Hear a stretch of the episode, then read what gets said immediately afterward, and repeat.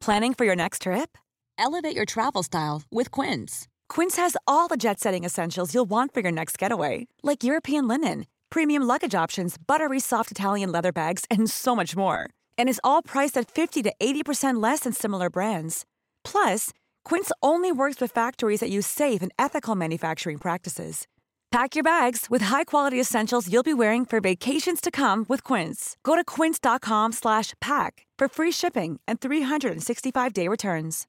Hi, I'm Daniel, founder of Pretty Litter. Cats and cat owners deserve better than any old-fashioned litter. That's why I teamed up with scientists and veterinarians to create Pretty Litter. Its innovative crystal formula has superior odor control and weighs up to 80% less than clay litter. Pretty Litter even monitors health by changing colors to help detect early signs of potential illness. It's the world's smartest kitty litter. Go to prettylitter.com and use code ACAST for 20% off your first order and a free cat toy. Terms and conditions apply. See site for details. Hey, it's Ryan Reynolds, and I'm here with Keith, co star of my upcoming film, If, only in theaters, May 17th. Do you want to tell people the big news? All right, I'll do it. Sign up now and you'll get unlimited for $15 a month and six months of Paramount Plus Essential Plan on us. Mintmobile.com slash switch. Upfront payment of $45 equivalent to $15 per month. Unlimited over 40 gigabytes per month. Face lower speeds. Videos at 480p. Active Mint customers by 531.24 get six months of Paramount Plus Essential Plan. Auto renews after six months. Offer ends May 31st, 2024. Separate Paramount Plus registration required. Terms and conditions apply if rated PG. Hej och god morgon. Och god morgon på dig. På dig. Söndag morgon. Eh, just drog förbi en, ett skyfall får man säga. Ett skyfall, precis. Vi är ju Men vi är under tak. vi är på plats i den kungliga huvudstaden. Ja, vi är det. Mm, så är det. Ja. Det är lite skillnad när det regnar här och när det regnar på landet. När, när det regnar på landet så tänker man, åh skönt. Eh, Eftersom det är bevattningsförbud så är det jättebra. Ja, fast det är nog inte på vattenförbud längre faktiskt. Inte längre, men Nej. så fort det var det Ja. och det regnade så blev man tacksam. Ja, det är sant. Ja, det Det behövs lite grann. bibliska eh, känslor. I, I stan är det mest under, om det här rinner undan tills jag ska gå ut. Usch, vad ska jag ha för skor, tänker man. Usch vad ska jag ha för snygga skor idag? Ja. Nej, det är sant. Det låter annorlunda också. Men det, det är ju plåt. Vi bor ju ganska högt upp här, även om vi inte bor allra högst upp. Men vi bor ju liksom lite grann i takhöjd. Man hör regnet smattra på plåttaken. Det är olika sensationer. Jag tänker att eh, min känsla för att vakna en helg i Stockholm har varit att åh vad härligt, nu kan man få eh, riktigt fina croissanter. Men, men sen så öppnade det ett bageri i Skåne. Eller det gjorde Ja. det inte, utan det är en pizzabagare som Örum. ja, bestämmer att det är härligt att, att producera croissanter och lite annat bröd på helgerna. Mm. Mm. Så nu kan man få det på landet också. Mm. Så är det. Så är det. Ja, på, på helgerna precis kan man få det. Här kan man få det varje dag. Men nu hade vi faktiskt frysta croissanter från eh, Picard. Picard, jag älskar deras grejer. Ja, de mesta har det ganska bra.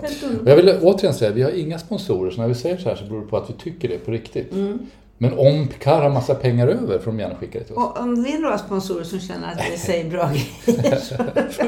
Ja. Ja. Det måste vara det mest desperata av allt. Ring, När man sitter och, när man ring sitter, oss, vi ringer inte er. man sitter och marknadsför produkter utan att få betalt för det. Det är ganska Nej, vi bara berättar beige. om eh, bra saker här i livet. Ja, okej. Så kanske det är. Så tänker jag.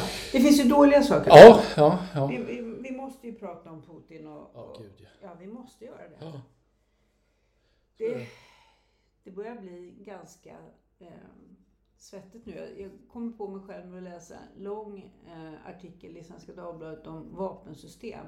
Ja, Eh, och det är jag ju inte så intresserad av egentligen. Men Nej, eh, nej. nu får man lära sig nya grejer. ja.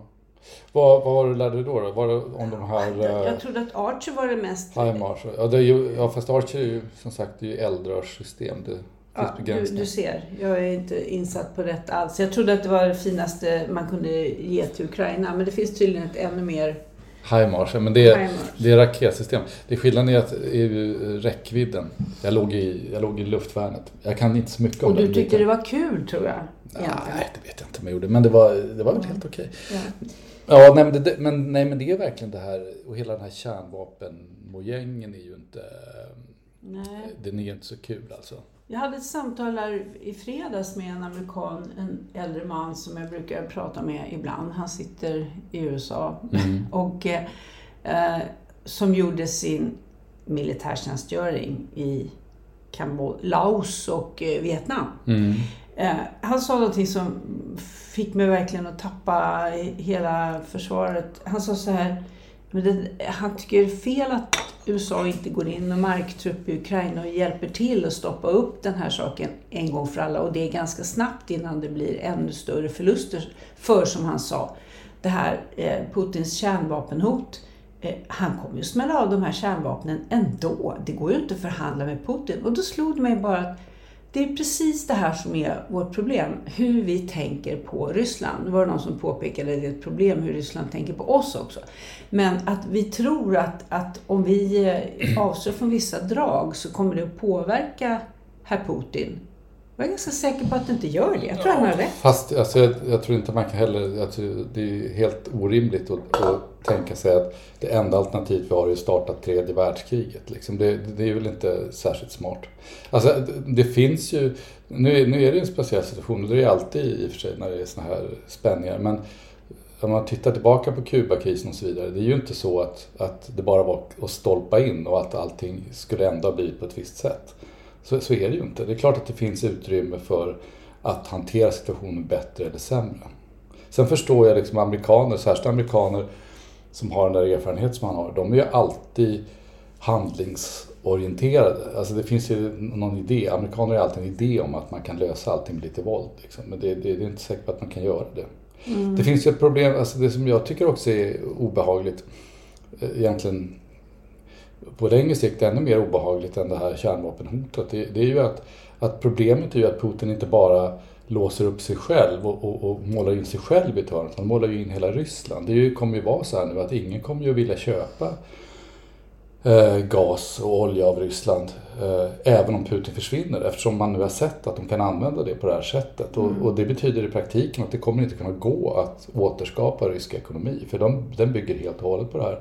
Och det enda sättet man kan göra det på är att man i stort sett blir en vasallstat till Kina. Liksom. Och det tycker jag, det där bådar inte gott för framtiden heller, även om man låser, löser den här omedelbara krisen. Mm.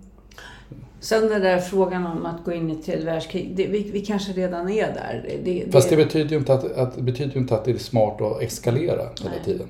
Ja, nej. Det, alltså tanken var väl att gå in i Ukraina och stödja mot Ryssland för att få ett stopp på det här hela. Sen kommer ju naturligtvis... Eh, Men de har, öppnat, de har öppnat en front mot hela NATO. Det betyder att även vi är i krig. Ja. Så att det, jag vet inte om jag tycker att det är så smart. Ja. Nej, och då har vi den här gasledningen som är sprängd här precis utanför Bornholm. Um, jag vet inte. Det var någon som sa, eh, som jag läste i veckan, och jag har tyvärr glömt bort namnet på den personen, som skrev så här. Ja, men om det är Putin och Ryssland som ligger bakom sprängningen så, be, så be, beror ju den på att man inte har någon användning för den här gasledningen längre.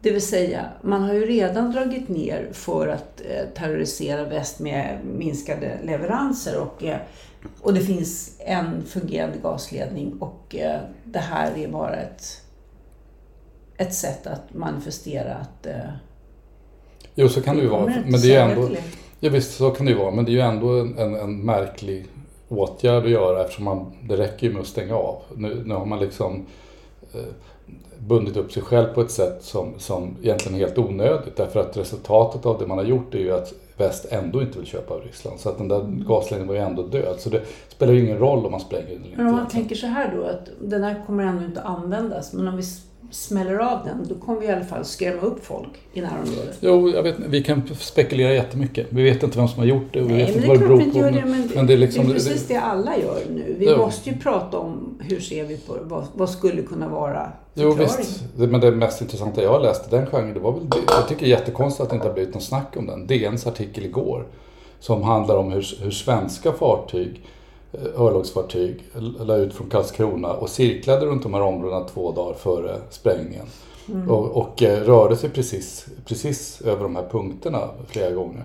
Det tycker, jag är, det tycker jag är en intressant sak. Vem var det som skrev då? Var det Mikael Holmström? Nej, han är väl inte på det längre. Det mm. kanske det. Eh, men det spelar ingen roll, det var inte han i alla fall. Men det var någon av deras... deras mm. Mm. Jag tyckte det var intressant, inte för att jag har en aning om vad det betyder. Om det betyder att man har fått något tips eller om det betyder att att man på något sätt har, eh, någon slags eh, information som, som man inte berättar om eller vad det nu är för någonting, jag vet inte.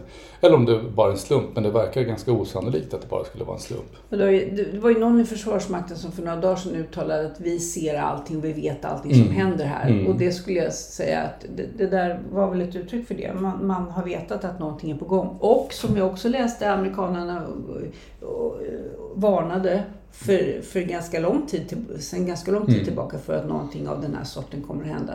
Så att jag menar, det... Sen finns det ju även amerikaner som tror att det är USA som har sett till att spränga dem. Jo, det, det, kan man också ska, tro. Jag tror att man, jag tror att man ska man fortfarande vara en aning försiktig med att dra slutsatser om exakt vad som har hänt. Ja. Men det som jag tycker var mest berörande egentligen, mm. väldigt bra journalistik, är när eh, New York Times har kommit över avlyssnade samtal mellan ja, inryckta eh, ryssar i Ukraina och deras eh, släkt och vänner hemma. Mm.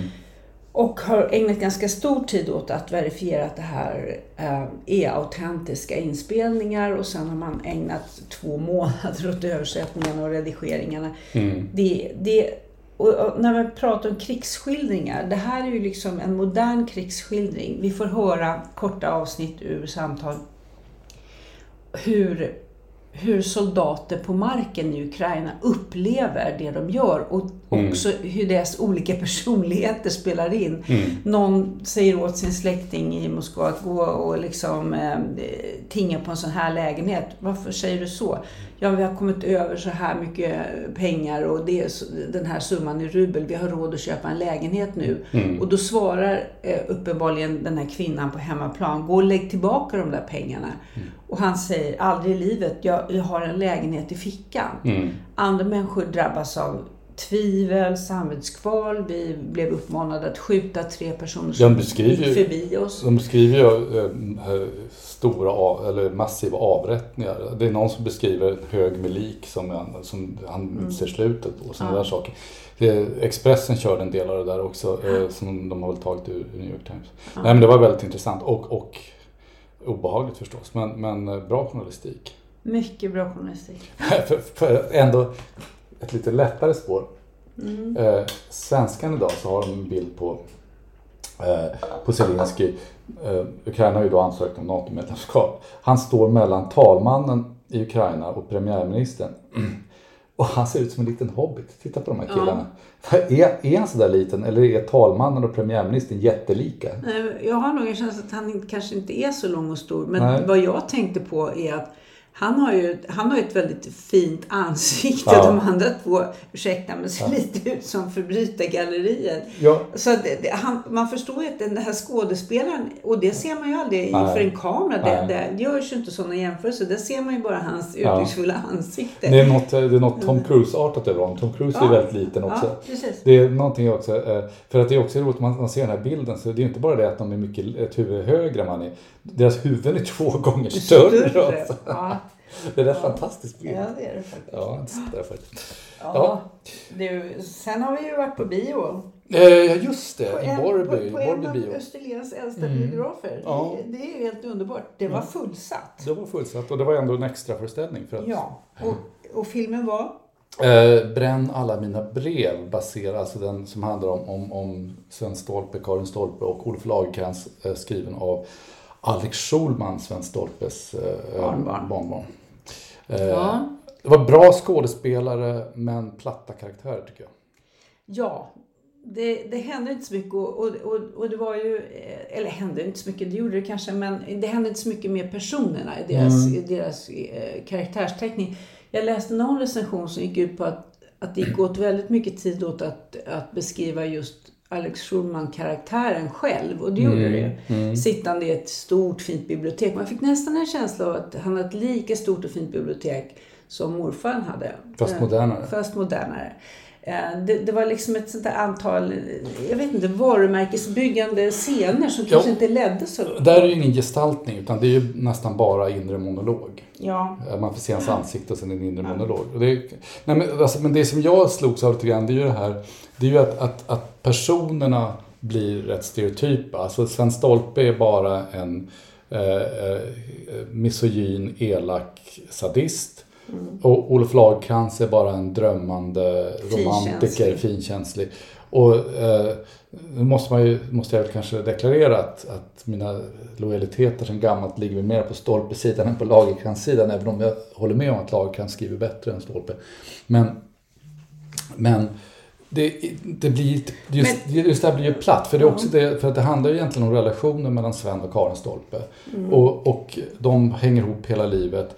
Trots då det här dramat som utspelas på tidigt 30-tal och som, som är så, eh, eh, ja vad säger man, omskakande för dem. Men jag tycker att det blir svårt att begripa hur den där relationen fortsatte och resulterade i barn och allt möjligt.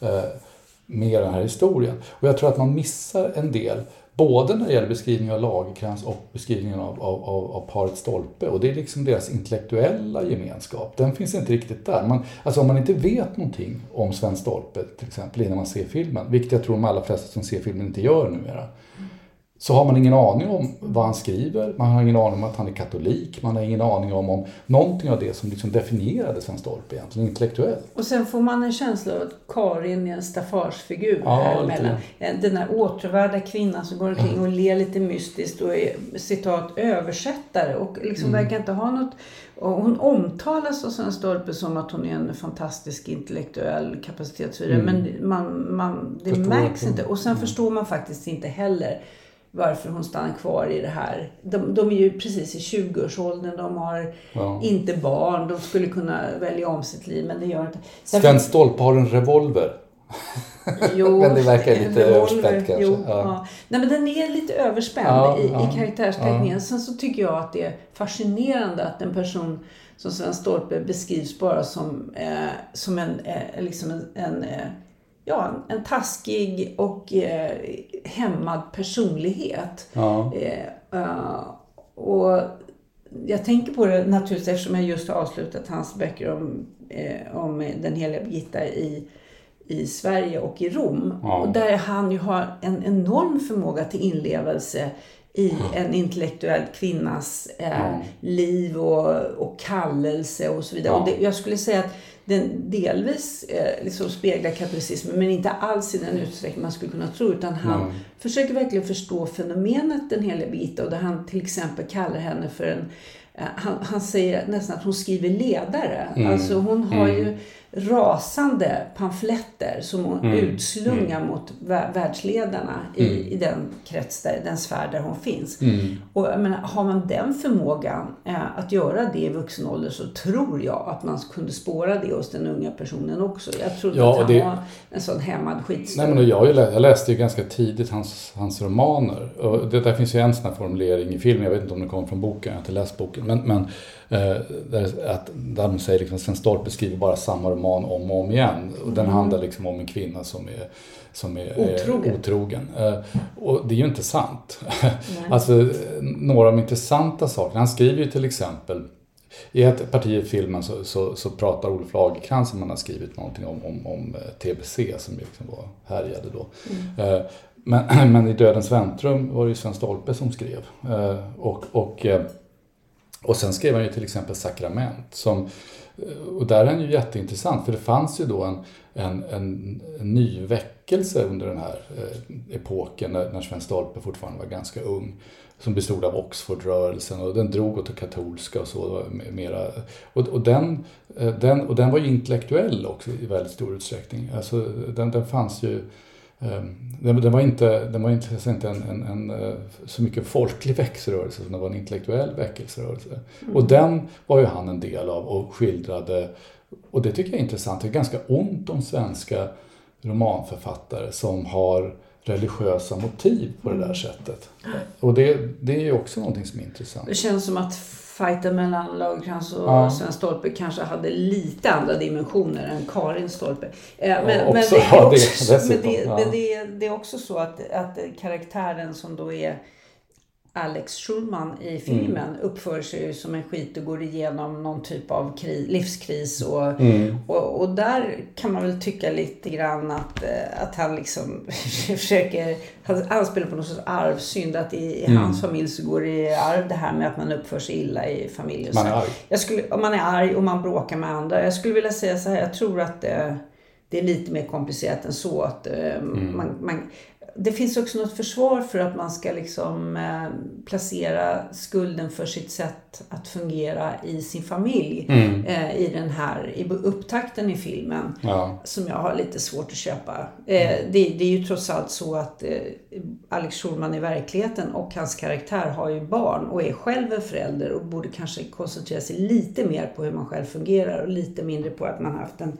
taskig morfar och en Ja, men jag, det, jag ser det här som kulturell eh, branding. Det är liksom varumärkesbyggande. Ja, och sen tycker jag också, sen är det intressant eh, tycker jag att, att, att det görs svenska filmer om den här typen av kulturhistoria som vi ändå är. Liksom. Ja. Eh, att, även om jag kan efterlysa att man skulle få veta mer om de här personerna. Just därför att jag tror att de flesta som ser den här, de här filmerna inte riktigt kan Sven Stolpe och Ulf Lagercrantz så, särskilt inte de som är lite yngre.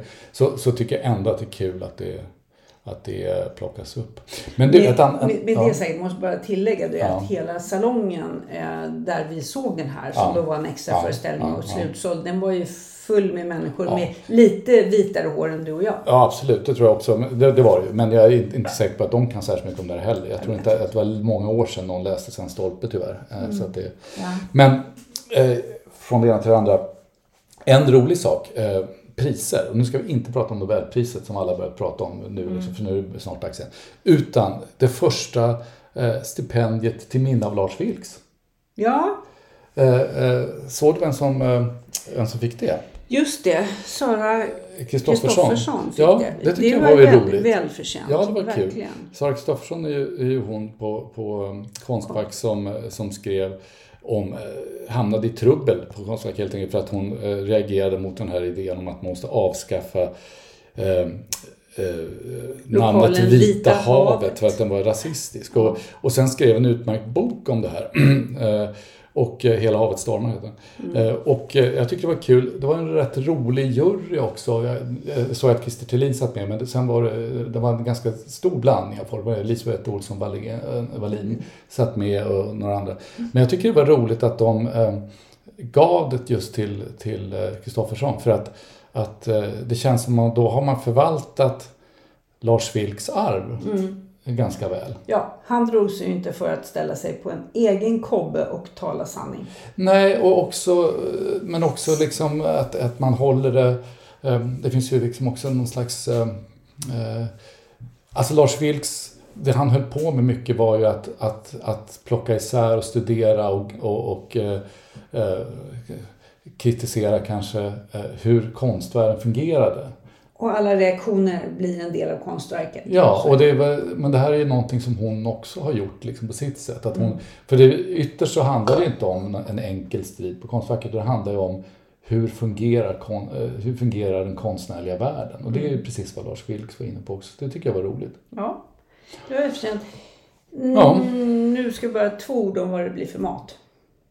Idag? Ja. Men det bestämmer ju inte vi. Nej, men jag vet. Men jag har ett förhandstips. Ja. Vi är bortbjudna. Ja, just det. och vi ska, vi få Dada, grillad piggvar. Ja, just det. Det har Underbar. Sagt det. Och nu har det sagt så många gånger så nu går det nog inte att backa. Nu går det inte att backa. Våra värd, vårt värdfolk måste vara ute på stan och leta efter leta piggvar. piggvar. Ja. ja. Eh, men det blir bra. Men då säger vi så. Så det är trevligt att vara i Stockholm när man får piggvar till, när man får piggvar till middag. Till middag. Det är underbart. Mm. Ja, nej, vi, eh, vi ger oss för idag. Tackar vi för det. Ja, och så hoppas vi att det inte smäller någon bomb innan mitten på veckan så vi får höra oss igen. Ja, ja. fint. Bra, hej. Hey, it's Paige DeSorbo from Giggly Squad. High quality fashion without the price tag. Say hello to Quince. I'm snagging high-end essentials like cozy cashmere sweaters, sleek leather jackets, fine jewelry, and so much more. With Quince being 50 to 80% less than similar brands. And they partner with factories that prioritize safe, ethical, and responsible manufacturing. I love that. Luxury quality within reach. Go to quince.com slash style to get free shipping and 365 day returns on your next order. quince.com slash style.